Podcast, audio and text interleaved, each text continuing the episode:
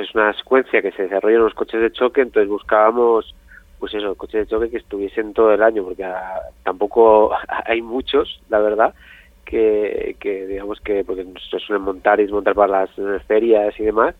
entonces los de Lloret estaban ahí eh, todo el año y se encajaban en el, en el plan de rodaje, así que así que perfecto, el trato ha sido muy bueno, así que